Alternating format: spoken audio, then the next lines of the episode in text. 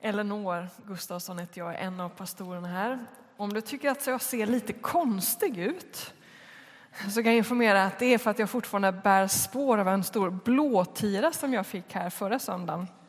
Nämligen så att jag skulle sätta upp de här gula skyltarna som ni kanske har sett, lapparna. Eh, där det står om att på söndag börjar gudstjänsten klockan kvart i tio. Inte klockan 11 utan kvart i 10 för då ska vi spela in tv. Här. Det skulle jag sätta upp här på en av väggarna och gick rakt in i en betongpelare. Så jag får tejpa mina glasögon här. Och... Så, nu hoppas att ni kommer ihåg detta. Kom klockan kvart i 10 på söndag. Om ni inte kan komma för Guds skull så kom för min skull i alla fall. Nej, men det vore fantastiskt om vi kunde få fylla den här kyrkan och visa liksom församlingslivet här eh, via de här tv-gudstjänsterna som kommer sändas i vår, februari, mars. Så det blir en sånggudstjänst på söndag. Eh, scouterna kommer sticka hamburgare och sälja dem efter gudstjänsten så det blir lite av en söndagsfest här. Så dyk upp kvart i tio, sprid det ryktet, ta med dina vänner och så firar vi den här gudstjänsten tillsammans. Idag är temat på predikan bestulen på kärlek.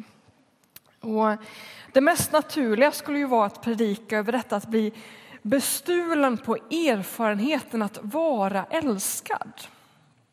Eh, och hur Gud kan fylla det behovet, hur Gud kan ge oss den kärlek som vi behöver.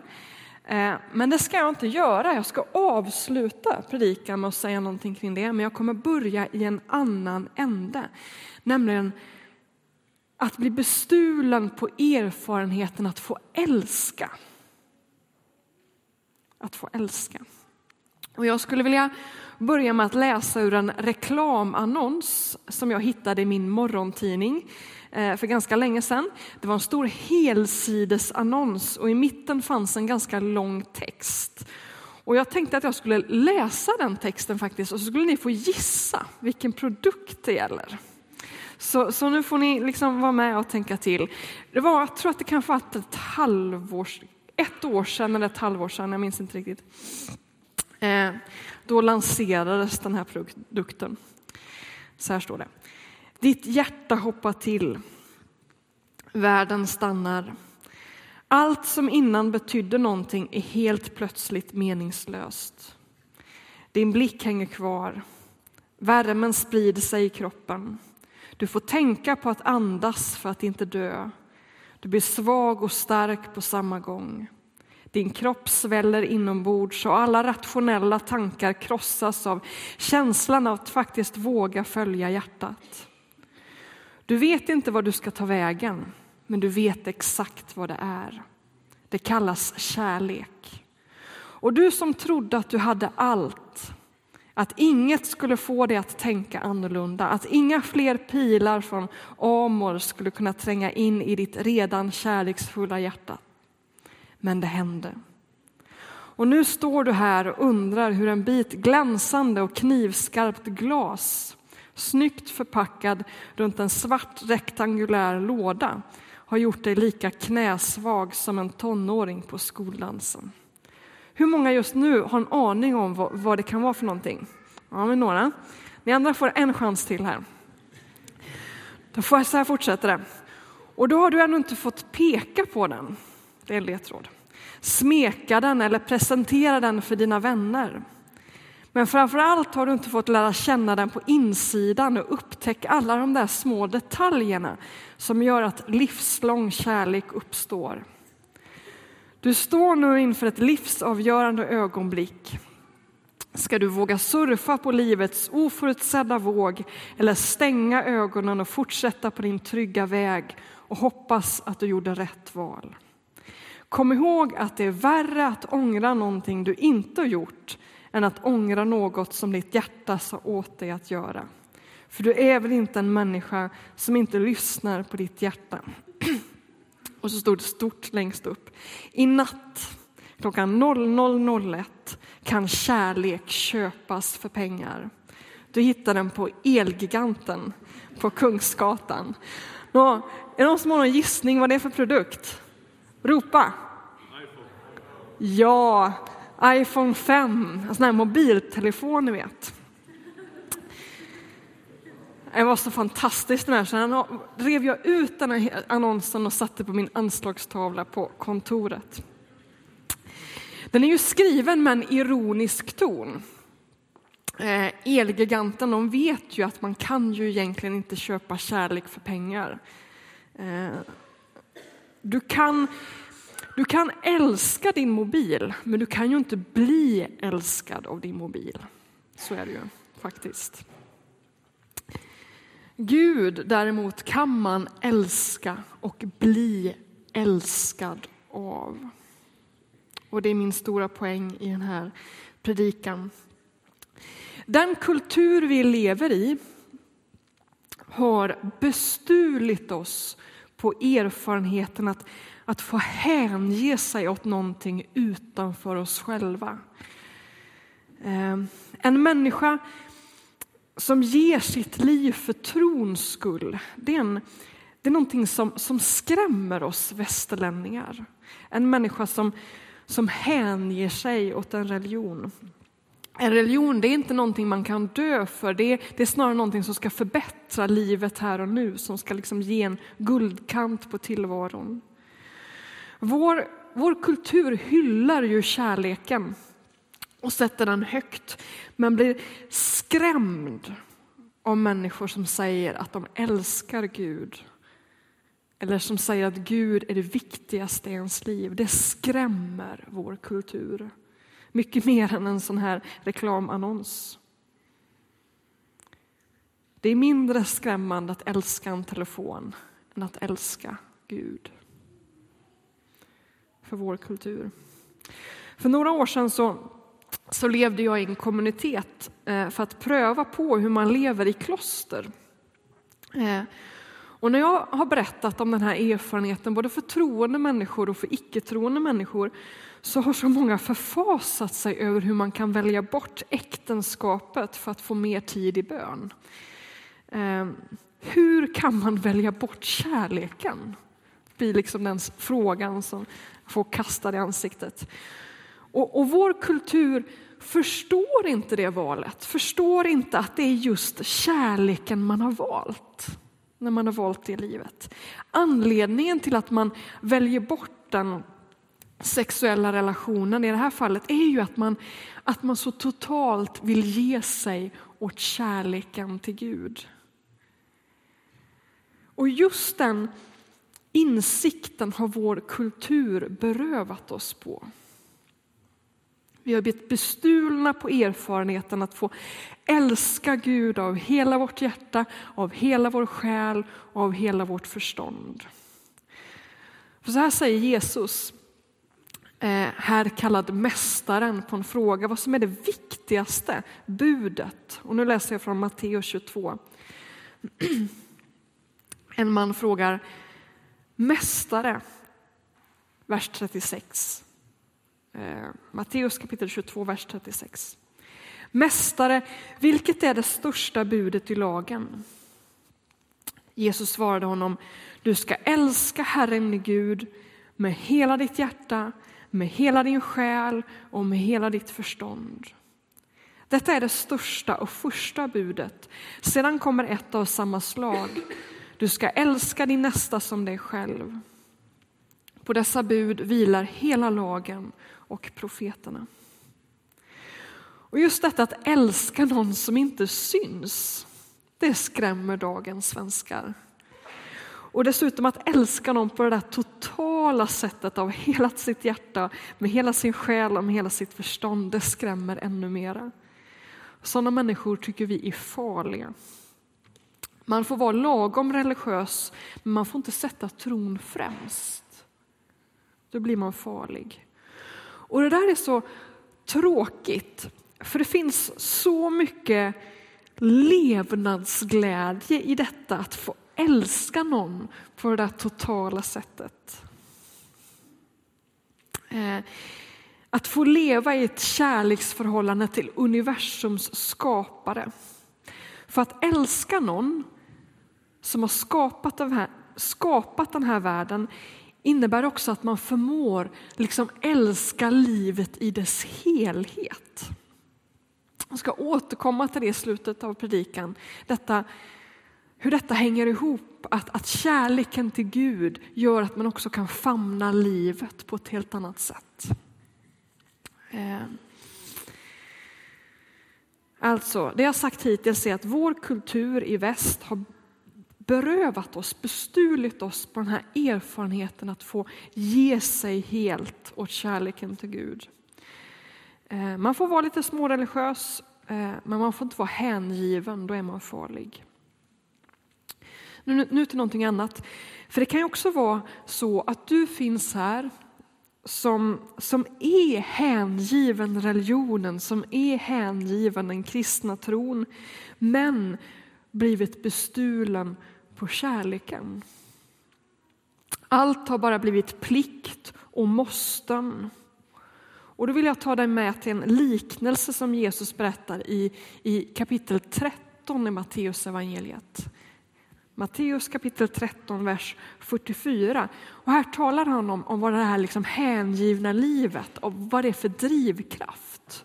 Och då skriver han så här, eller säger så här. Himmelriket är som en skatt som ligger gömd i en åker. En man hittar den och gömmer den igen och i sin glädje går han och säljer allt han äger och köper åkern. Men himmelriket är också som när en köpman söker efter fina pärlor och han hittar en dyrbar pärla, och när, om han hittar en dyrbar pärla går han och säljer allt han äger och köper den.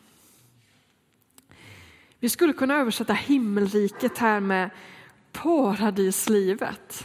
Eh, den här mannen säljer allt för att kunna äga paradislivet. Eh, och det är ett liv som inte börjar liksom när man dör, utan ett liv som faktiskt börjar här och nu. Redan nu är Guds rike inom räckhåll. Det finns mitt ibland oss vi kan få del av det redan här och nu. Det är Jesus tydlig med. Visst, det finns någonting fullare som kommer sen, men paradiset, livet, himmelriket, Guds rike är inom liksom grepp, det är greppbart. Um. Och den här mannen i den här liknelsen säljer allt för att få äga det här paradislivet. Och i ett sånt läge så är det ju ingen sorg att försaka. Det är en glädje och det står just så. I sin glädje går han och säljer allt och köper en åkern. För han vet ju att den där leriga Eh, vardagliga åken gömmer någonting som inte alla andra ser, nämligen en skatt. Det är en vinstlott den här åken. Den är, den, den är värd mycket mer än den här köpesumman som han lämnar in. För den som säljer åken vet ju inte om att det ligger en jättestor skatt där. Alltså fattar ni? Han, han får ut mycket mer än det han lägger ner. Det är liksom ingen försakelse, han köper bara en vinstlott. Det är en glädje detta. En glädje. Den här mannen dömer sig inte själv till fattigdom, fattigdom utan han säljer allt för att kunna köpa någonting som, som är långt dyrbarare än det han redan äger. Det är värsta klippet, det är liksom ingen förlust, ingen försakelse utan han, han vinner paradislivet. Så att, att sätta Gud främst är ingen försakelse. Det är liksom vägen till ett passionerat och fulläg, fullödigt och, och rikt liv. Det är vad Jesus säger. Och jag tror att det sitter många här som, som känner sig bestulna på den glädjen. Det här, det här kristna livet har bara blivit du ska inte och du får inte och du måste ställa upp och du måste göra din plikt. Du har försakat och du har försakat och du har försakat och det enda du har är liksom en lerig åker med några strån på. Du har blivit bestulen på skatten och glädjen över att få äga skatten. Jag är inte gift själv, men jag har förstått att när man är gift så finns det dagar och perioder där relationen kanske snarare känns som en börda än en glädje. Eh, och dagar då det liksom bara är det här löftet som liksom håller, håller relationen igång. Men jag har mött dem som har berättat att den troheten, alltså den här uthålligheten gör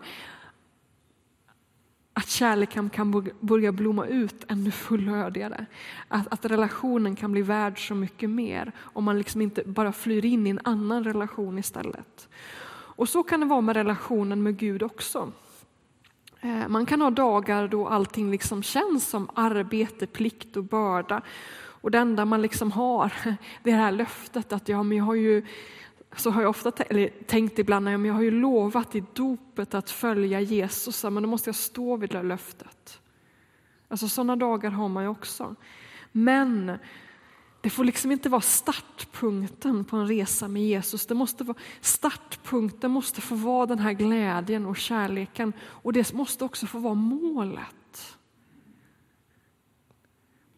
Plikten och arbetet, det får, det får vara undantaget men det får liksom inte vara det som präglar hela den här relationen. Petrus vandring med Jesus började i en slags fascination och kärlek till Jesus. I alla fall enligt Markus, Matteus och Johannes. Lukas har en liten annan variant av det där. Men jag tror att det är för att han inte riktigt börjar i starten där utan han kommer in mitt i Lukas. Petrus börjar i en kärlek och en glädje och en fascination. Men så blir det tufft. Och det blir faktiskt så att Petrus lämnar Jesus. Men Jesus söker upp honom och de har ett samtal där efter Jesu uppståndelse. Och så frågar Jesus Petrus rakt ut, du finner det här i Johannes 21. Jesus säger, älskar du mig? Älskar du mig? Jesus säger inte Petrus, skärp dig. Jag är hela världens herre. Jag har all makt och du måste följa mig annars kommer du till helvetet. Det är inte vad Jesus säger. Utan han säger älskar du mig?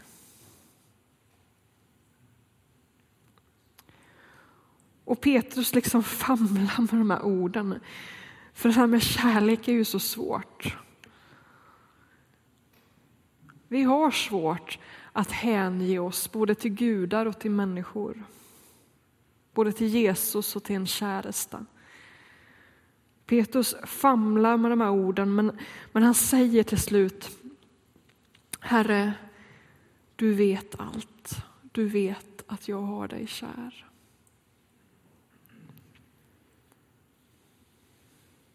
Och sen säger Jesus att till Petrus att, att, att, att, hans hängivenhet, han använder inte riktigt det ordet, men det är vad han menar, den kommer växa. Om man håller sig till Jesu närhet. Petrus får rådet, följ mig, var i min närhet. Och en dag så kommer du Petrus av fri vilja gå dit du inte vill. För Jesus skull, för min skull. Han säger att en dag så kommer liksom kärleken till Jesus driva honom till det där yttersta den yttersta försakelsen. För kärlekens skull. Petrus kommer en dag kunna offra sig för kärlekens skull. Han kommer en dag i sin glädje gå ut och sälja allt. Och traditionen berättar att det är precis vad Petrus gjorde. Han gav sitt liv i martyriet frivilligt. Jesus kräver inte där och då att Petrus ska göra det. Utan han, han vill att Petrus ska vänta till liksom kärleken är drivkraften. Det måste få vara det som är starten och målet. Och du som har, liksom har blivit bestulen på den dimensionen av tron. Du känner att det här är, jag har tappat kärleken. Säg som det är. Tala ut med Jesus och be om hjälp, be om vägledning att liksom hitta rätt till den där drivkraften. Där, i det samtalet, kommer du hitta tillbaka igen. Det är jag övertygad om. En annan väg är ju att umgås med de människor som just drivs av kärleken. då blir man smittad. Man dras med, umgås med hängivna människor som älskar Jesus. För det är inte farligt att älska Gud av hela sitt hjärta, av hela sin själ, av hela sitt förstånd. För som jag sa förut, det är först när man älskar Gud som man kan omfamna hela världen och hela livet med sin kärlek. Som jag sa förut, jag är inte gift och jag har heller inga barn. Men ni som har barn och som älskar era barn, märker att ni ser ju någonting helt annat i era barns teckningar, teckningar än vad jag gör. Alltså ni älskar konstnären och kan omfamna det här konstverket med, på ett helt annat sätt. Och så är det med världen också. Om man älskar konstnären, skaparen, så kan man också omfamna skapelsen på ett helt annat sätt. Då kan man älska sina fiender för man vet att det här är ett konstverk av Gud själv som jag ju älskar. Visst, det finns människor, religiösa människor som inte som är världsfrånvända, som inte älskar det här livet, den här världen, den här skapelsen.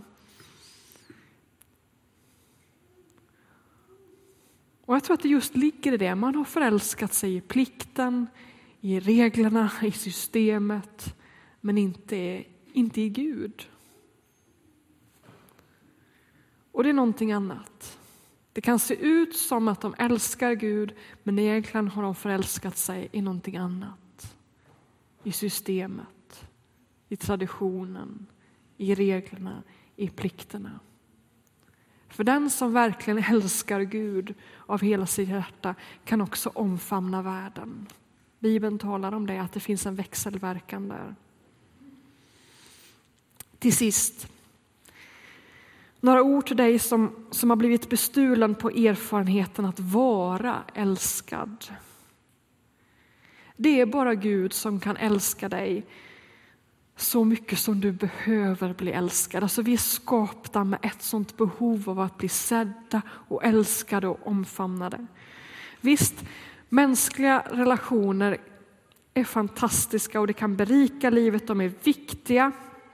Men de är bristfälliga. De kan inte fylla det behovet till fullt.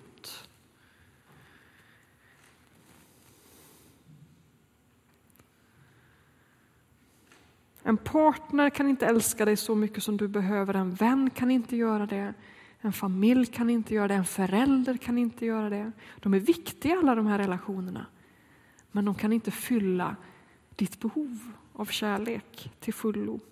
Och då är frågan, hur, hur, hur, får man erfara den kärleken då? Hur, hur, hur kan man få, få vara med och ta emot den så att den blir verklig? Ja, det är ingenting som händer sådär pang bom, utan det är någonting som sker över tid och vägen dit är tron. Tron på en Gud som älskar, det är vägen. Om du vandrar den tron, du låter liksom, den tron få näring, att du liksom sjunger de där sångerna, bekänner det i bönerna, att Gud är kärlek, då kommer du allt mer få landa i den vissheten. En annan viktig väg är att ta emot förbön. Erfarenheten av Guds kärlek är ingenting man kan, kan liksom fixa på egen hand, utan det är någonting man får upptäcka tillsammans med andra. Så jag skulle vilja bjuda in dig att ta emot förbön här vid trappan sen. Till sist ett bibelord från Paulus som, som säger just detta, en bön av Paulus. Och, och, och tänk att det här ber han också för oss, den gode Paulus. Det här är en bön för församlingen i Efesos och jag tror också det är en bön som han, han hade för hela den världsvidda kyrkan. Så så här är Efesierbrevet 3. Eh, Eh, kapitel 3, vers 14. Det här har jag ingraverat på en bönepall som jag har hemma i mitt hem. Liksom jag, här, den här versen är viktig för mig. Paulus säger så här, därför vill jag falla på knä för Fadern, efter vilket allt vad Fader heter i himlen och på jorden har fått sitt namn. Måtte han i sin härlighetsrikedom ge kraft och styrka åt er inre människa genom sin ande. Så att Kristus genom tron kan bo i era hjärtan. Alltså där märker, det här med tro är viktigt. Att bli rotad i tro, att få kraft att tro. Att kan bo i era hjärtan med kärlek. Stå fasta och var stadigt rotade i honom så att ni tillsammans med alla de heliga, det är Paulus liksom ord på de kristna, inte att de kristna liksom aldrig syndar utan det betyder att de kristna har tagit emot anden, den heliga ande och därför är de heliga människor.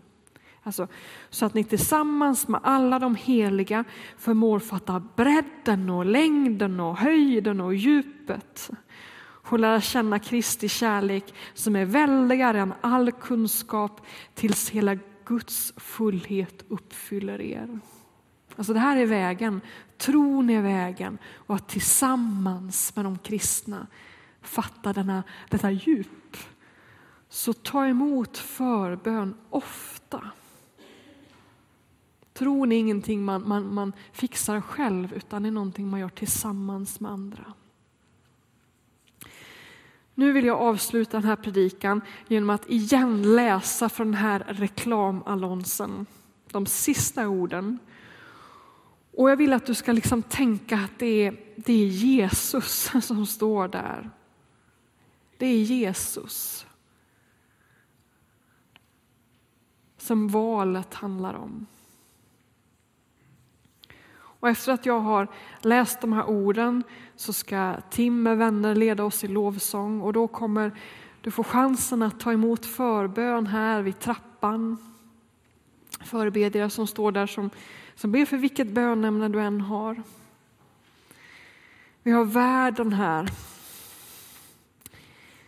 En uppblåsbart jordklot. Kanske finns du här som känner att ja, just det där Kärleken till livet och till världen finns inte där. Gå till den här jordgloben, lägg handen där.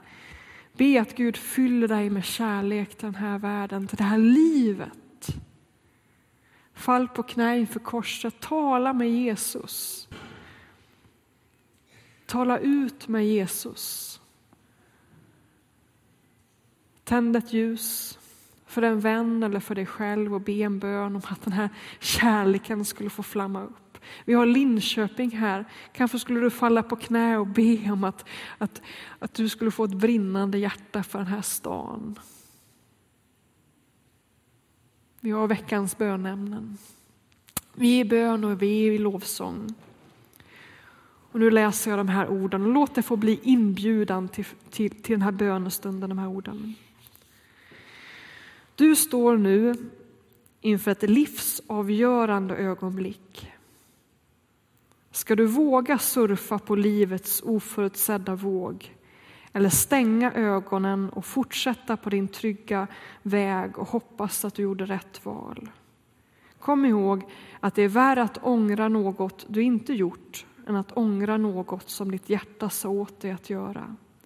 För du är väl inte en människa som inte lyssnar på ditt hjärta. Kärlek kan inte tas, köpas för pengar, men den kan tas emot i tro och i bön.